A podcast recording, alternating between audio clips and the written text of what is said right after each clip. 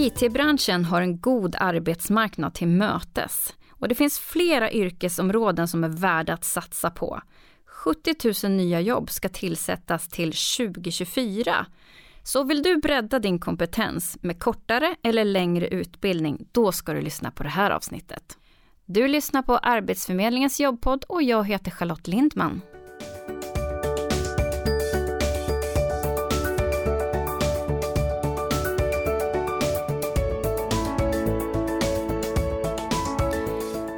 Då vill jag hälsa Sofie Andersson ifrån Arbetsgivarverket som jobbar med statens kompetensförsörjning och är expert inom frågor om arbetsmarknad och utbildning. Välkommen! Tack så mycket. Du Sofie, det behövs ju fler som jobbar inom it-branschen och behovet har ju ökat under flera år och fortsätter. Vad är det för jobb vi pratar om här? Vi pratar om väldigt många jobb. Eh, det är dels mycket utvecklare som behövs eh, och då handlar det både om att eh, bygga system, det är utvecklare inom att göra system mer användarvänliga, men det handlar också mycket om IT-säkerhet. Projektledare inom IT är en sån där kompetens som kommer behövas mycket inom staten framöver. Men även IT-arkitekter det finns ju en väldigt stor bredd här och vi ska komma in mer på de här yrkena som du nu har pratat om. Men skulle du kunna berätta lite mer om själva techsektorn? Vad det är för någonting? Absolut. Men techsektorn kan man säga det är som ett eh, samlingsbegrepp egentligen för eh, verksamheter som håller på med digitala tjänster på något sätt. Digitala tjänster eller produkter.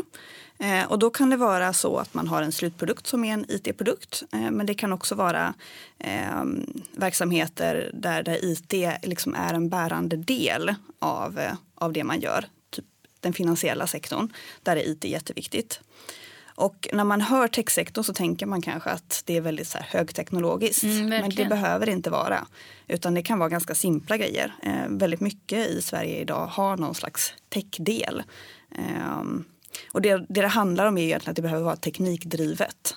Att det är det som är liksom det utmärkande för techsektorn. Och man kan väl säga att tekniken behövs ju överallt idag. Ja, exakt. Det finns verkligen ingenting som inte har teknik eller IT i någon bransch eller något yrke egentligen. I princip, precis. Och det är över 200 000 personer som jobbar med inom tech i Sverige idag. Alltså mm. i techsektorn specifikt. Och sen tittar vi då bredare och tittar på inom staten, vi tittar på kommuner och regioner. Då får vi liksom en ännu högre siffra.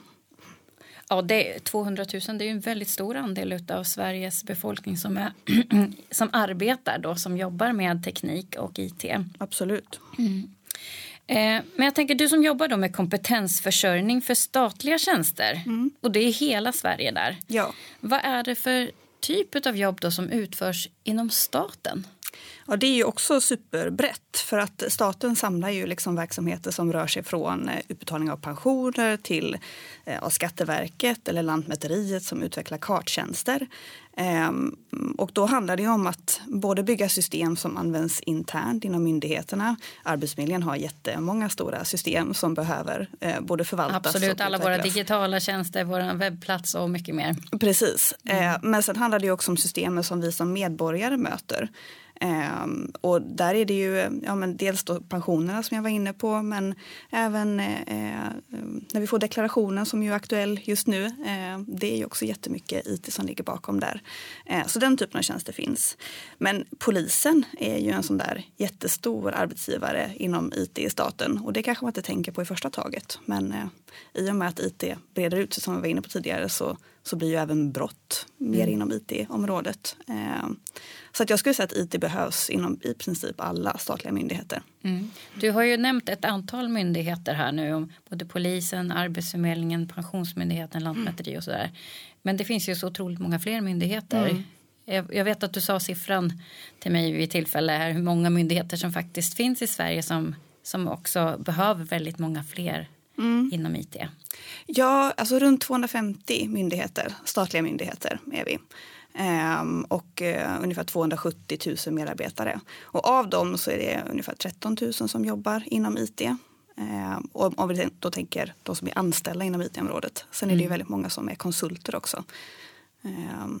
Så det är ett stort område. Precis, och det här med konsulter det är ju det att det kommer ju, kommer ju tjänster och går där man kanske är anställd under kortare eller längre perioder. Precis. Ehm, och där har man ju sett ett stort behov också att man, att man behöver ha flera konsulter just för att täcka upp behovet som kanske senare kan bli anställda. Ja, alltså jag skulle säga att det är egentligen två delar av det där med konsulter. Dels är det ju det att man faktiskt har ett behov av eh, kompetens under en begränsad period och därför väljer att ta in konsulter. Men jag skulle säga att, eh, att det är så mycket konsulter inom just it-branschen är också ett uttryck för att det råder kompetensbrist. Att många arbetsgivare, då pratar vi inte bara statliga arbetsgivare, arbetsgivare generellt har svårt att hitta kompetens inom IT. Eh, och då kanske man får ta in konsulter för att lösa liksom en akut kompetenssituation. Man faktiskt måste ha in någon. Eh, och eh, Arbetsverket kommer ju komma med en rapport nu snart som handlar om kompetensbehovet i staten inom eh, fem till tio år. Och då har vi tittat specifikt på IT-området. Och där är det många myndigheter som vi har pratat med som har lyft just konsultfaktorn som, som det här liksom dubbla myntet. Att å ena sidan så är det väldigt bra att få in konsulter för att ja, man kan få in dem ganska snabbt och ofta har de kunskaper som man kan dra nytta av inom myndigheten och det blir liksom en lärandeprocess också man tar in konsulter. Men å andra sidan så är det också en riskfaktor att ta in personer som inte är anställda eh, och att eh, man ser att man kommer behöva konsultväxla på sikt och att byta ut de här konsulterna mot anställda istället. Mm. Så det kommer också ligga i, när vi pratar om att det kommer behövas ännu fler som jobbar med IT framöver så är det en faktor som påverkar det också. Mm. Du var inne på här nu att vi idag har ungefär 13 000 anställda Precis. inom IT i staten. Ja. Eh, och den här andra rapporten som vi, som vi också har tittat lite grann på är ju eh, från telekom och IT-företagen. De har ju spått att det faktiskt kommer behövas 70 000 ja nya jobb. Det saknas här eh, inom en, några år framöver, treårsperiod. Precis. Vilka är alla de 70 000? Väldigt stor del, jag tittade specifikt på deras siffror där också. En väldigt stor del verkar handla just om utvecklingen, alltså utvecklare. Eh, men de lyfter ju också de här kompetenserna som jag var inne på med it-säkerheten. För i och med att man ökar både användningen av it, vi blir mer beroende av it-systemen, så höjs ju också kraven på eh, på att systemen måste hålla en viss liksom, säkerhetsnivå. Eh, men de tar ju också upp eh, alltså, med programmerare eh, och då är det både frontend och backend, alltså både hur det ser ut och hur det fungerar. Ehm, och eh, sen ett område som jag tror kommer komma eh, framöver är sådana här data scientists också, dataanalytiker. Mm. Eh, därför att det finns ju stor potential i att använda AI mer. Eh, och just att liksom få in den kompetensen i, i att höja eh, IT-användningen inom verksamheter. Mm. Jag tänkte faktiskt fråga dig om det där med, med AI, hur den ser ut, hur är utvecklingen just med AI och IT framöver? Det är ju svårt att svara på den frågan. Därför vi vet ju fortfarande inte liksom, eh, Ehm, änden på potentialen som finns med AI. Vi vet att vi kommer att kunna eh, lyfta verksamheter jättemycket. Men precis hur vi kommer att kunna göra det och vad det betyder för vilken kompetens vi kommer behöva för att komplettera AI. Det vet vi inte än riktigt. Men jag menar, det är många myndigheter som använder det här på något sätt redan idag. Eh, om du till exempel har fyllt i Försäkringskassans ansökning om vab någon gång så har du mött AI. Eh, för det där sker automatiserat. Det är en automatiserad beslutsprocess. Eh, och det är fler myndigheter som, som gör som använder det på det sättet. Ja, och det använder vi även på Arbetsförmedlingens webbplats när det gäller att räkna ut olika stöd och så vidare som arbetsgivare kan ta hjälp av. Just det. Mm. Men om vi ska titta då på eh, alla de här personerna som nu behövs för framtiden. Eh, vi nämner ju också, eller du sa brist. Mm. Att det är en brist att vi behöver bli fler som jobbar mm. med IT eh, i staten men även generellt i Sverige. Vad är det då för utbildningar och kompetenser man behöver? Ja, alltså tittar vi på eh, staten så är det ju så att eh, för att få ett statligt jobb så krävs det oftast någon form av eftergymnasial utbildning. Vi har höga eh, krav inom staten. Men inom IT-området så är det min bild att det inte är en specifik utbildning du behöver ha utan det räcker att du kan styrka vilken kompetens du har. Ehm, men det är ju mycket utvecklare som vi varit inne på. Alltså då behöver du ju ha någon form av utbildning inom det området som, som rör sig dit. Men vi kan ju också se när vi tittar på hur statistiken ser ut för de som jobbar med IT i staten idag att det kanske är många som har gått in på en tjänst och sen har de liksom lärt sig under hand. Ehm, så att jag, jag, tror inte man ska stirra sig blind på att jag måste ha den här utbildningen för att komma in ehm, inom statlig verksamhet utan eh, IT kommer att funka bra. Mm. Och sen kan man utveckla sig under arbetslivet. Och så tror jag att vi behöver tänka allihopa egentligen. Det gäller ju inte bara IT. Eh, sen Nej. kanske det går lite snabbare där. Ja, och lika, i och med att IT idag handlar ju inte om att sitta bakom en skärm hela tiden och programmera eller bara jobba mm. med teknik. Utan det handlar ju mycket också om hur du, jag, jag, tänker på mjuka kompetenser, jag tänker mm. på att man ska kunna kommunicera och man ska kunna utveckla tjänster som är användarvänliga pratar du om också. Så man behöver ju ha kanske flera kompetenser som är bra att ta med in, inte bara IT då. Utan... Bra att du tar upp det, för ja. det var ju också en slutsats som vi hittade i när vi jobbade med den här rapporten, att många myndigheter pratar, de pratar om framtidens kompetensbehov egentligen på två sätt. Och det ena är just det här att eh, man ser att man kommer uppvärdera soft skills och att det kommer vara viktigare att, eh, att just kunna ha det här strategiska tänkandet, att man ska kunna prata med andra kompetenser eh, så att man inte ska vara liksom alldeles för stuprörsaktig. Och den andra delen eh, var just att man kommer leta efter kombinationskompetenser. Och när de säger kombinationskompetenser så handlar det ju kanske inte om att man behöver ha två examina utan snarare att man ska ha, men de kommer leta efter utredare med, med bra IT kompetens eller jurister som har IT-kompetens. Eh, och då är det ju genomgående att det de framförallt kommer att söka är liksom kompletterat med någon form av IT. Eller att man är IT-specialist och så har man också goda juridiska kunskaper. Ehm, just för att man ska kunna funka eh, på flera delar i verksamheten. Och då tänker jag direkt på alla som idag kanske har lämnat en bransch mm. eh, som faktiskt varit hårt drabbade under pandemin. Eh, och då har vi både inom handel, inom turistnäringen, inom kulturbranschen där man då har en typ av kompetens mm. och kanske då också har lite IT. Man kan komplettera med en kortare utbildning. YH-utbildningar är ju jättebra där ja. just för att få liksom väldigt arbetsmarknadsnära eh, kunskaper som vi vet det finns stor efterfrågan på. Så mm. absolut, det finns en jättepotential där. För du nämnde ju också om att det är liksom inte alltid den formella kompetensen med högskolepoäng som är det avgörande. Men att man behöver ha en ja. viss utbildning. Ja. Men det kanske inte alltid är den här fyra års eh, på högskolan. Nej, alltså man, man, kan tänka också på att när man söker jobb inom eh, statlig sektor. Vi anställer ju på förtjänst och skicklighet kallas det. Eh, och det betyder att eh, förtjänst innebär vana, erfarenhet och anställningstid i staten. Så det är meriterande då om du har eh, jobbat inom statlig verksamhet tidigare. Och skicklighet så menar vi lämplighet, eh, alltså teoretisk eller praktisk utbildning eh, och yrkeserfarenheter. Eh, och är det så då att det står i en annons att du ska ha fem års utbildning inom det här området, ja men då behöver du uppfylla det kravet. Men står det kanske att det är meriterande om du har pluggat den här saken, då är det, det är bara att söka. Alltså så länge du kan uppfylla skallkraven då så, ehm, så behöver det liksom inte vara stängt. Mm. Så det gäller verkligen att läsa annonserna, Väldigt ordentligt. Eh, vad som är krav, vad som är meriterande. Precis och se vad man uppfyller där. Och också verkligen trycka på det här att eh, sånt som är krav, du behöver kunna visa det i ditt CV och ditt brev att du uppfyller just de kraven. Mm. För annars är det risk att du inte blir kallad till intervju. Nej, just det. Mm. Eh, men också så att man inte missar så att man bara per automatik tänker att ah, det där kan inte jag söka utan att man verkligen kollar igenom. Tittar ordentligt, mm. precis. Mm. Jag tänkte att vi ska gå in nu på det här med eh, lite grann, slå lite hål på, på myter kanske som man kan mm. ha inom IT, vilka det är som jobbar.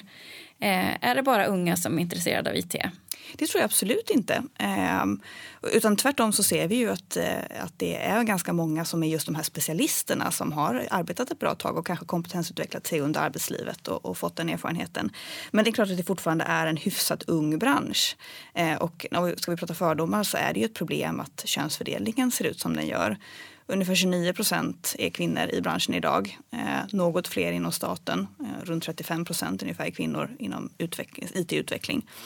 Eh, och det är klart att det är, ju, det är ju en fördom som vi borde jobba för att faktiskt mm. ändra, för det finns en viss sanning i den. Och här, i och med att du har pratat om den här bredden nu också, så behövs det ju en bredd både mm. inom olika kompetenser, inom ålder, inom olika branscher. Mm, så, så, att vi behöver ju bli fler då.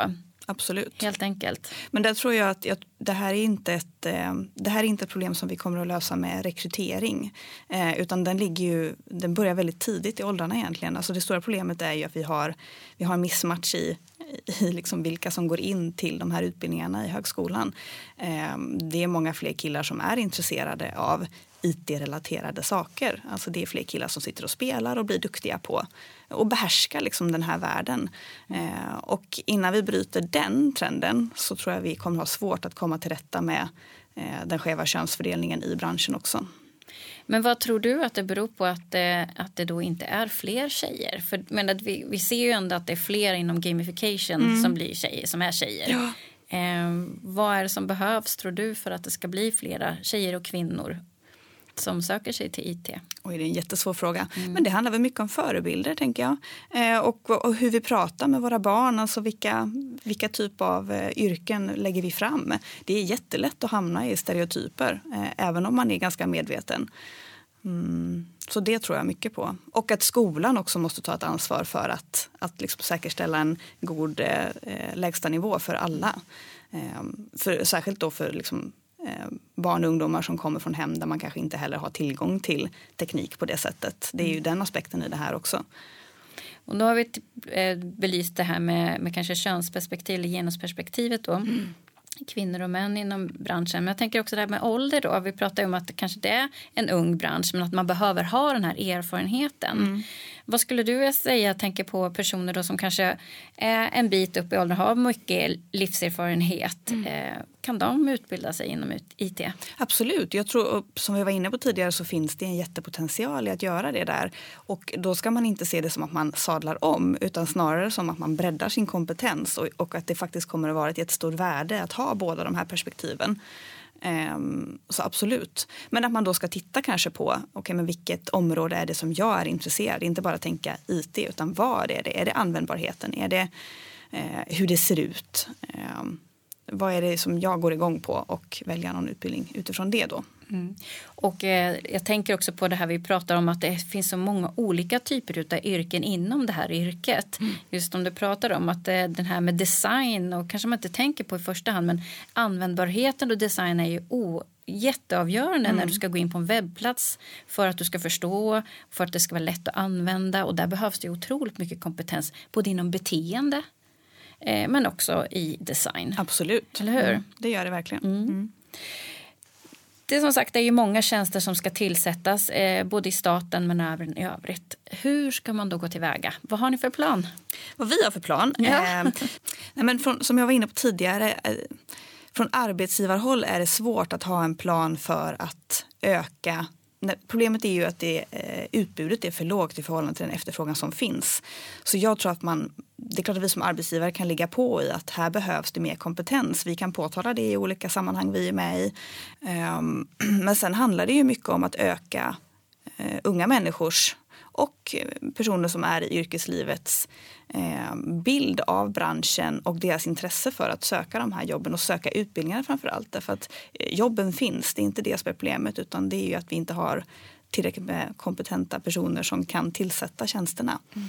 Ja, arbetsmarknaden är ju helt klart god både nu och framöver. Väldigt god. Så det är ju ett yrke värt att satsa på kan man ju säga. Absolut. Mm. Och jag kan lägga till också med statlig sektor så finns det ju förutom de här liksom mer interna eh, processerna som gör att eh, behovet ökar så det, finns det också politiska uppdrag till myndigheterna om att digitalisera. Eh, och det kommer ju också driva på behovet av IT. Mm. Eh, avslutningsvis Sofia, varför tycker du att man ska jobba med IT? Jobba med IT, ja men man ska väl jobba med IT därför att det finns en jättegod möjlighet att förändra eh, tillgången för människor och att man kan underlätta för människor. Och då tänker jag både liksom i arbetsvardagen för alla som jobbar på arbetsplatser men också eh, för medborgare när det kommer till i staten. Eh, jag menar, om vi har ett jättebra system för att söka vab till exempel eller för att söka sjukersättning så kommer det vara det är tidsbesparande och det blir eh, enklare för medborgarna. Det finns jättegoda möjligheter att påverka. Har du någon egen sån här favorit eh, IT-tjänst som du använder väldigt mycket? Ja, men det skulle ju vara vabben då kanske eftersom att jag har små barn. Stort tack Sofie Andersson från Arbetsgivarverket. Du som då jobbar med kompetensförsörjning inom staten och är specialist inom arbetsmarknad och utbildning. Tack, tack. för att du kom. Tack.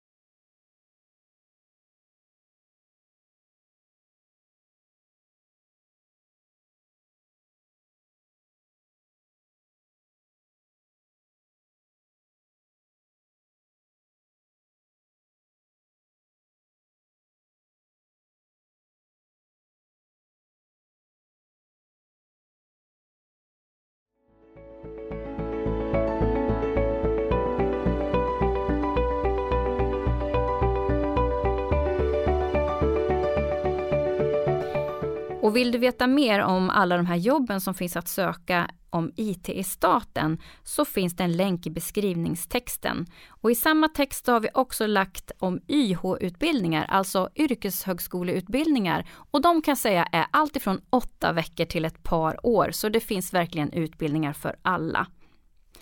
Du har lyssnat på Arbetsförmedlingens jobbpodd. Dagens gäst var Sofie Andersson från Arbetsgivarverket. Tekniker, PG Nordström och jag heter Charlotte Lindman. Har du tankar och funderingar på vad vi ska prata om i jobbpodden? Skriv då till podcast arbetsförmedlingen.se. Det här avsnittet producerades våren 2021. Vi hörs!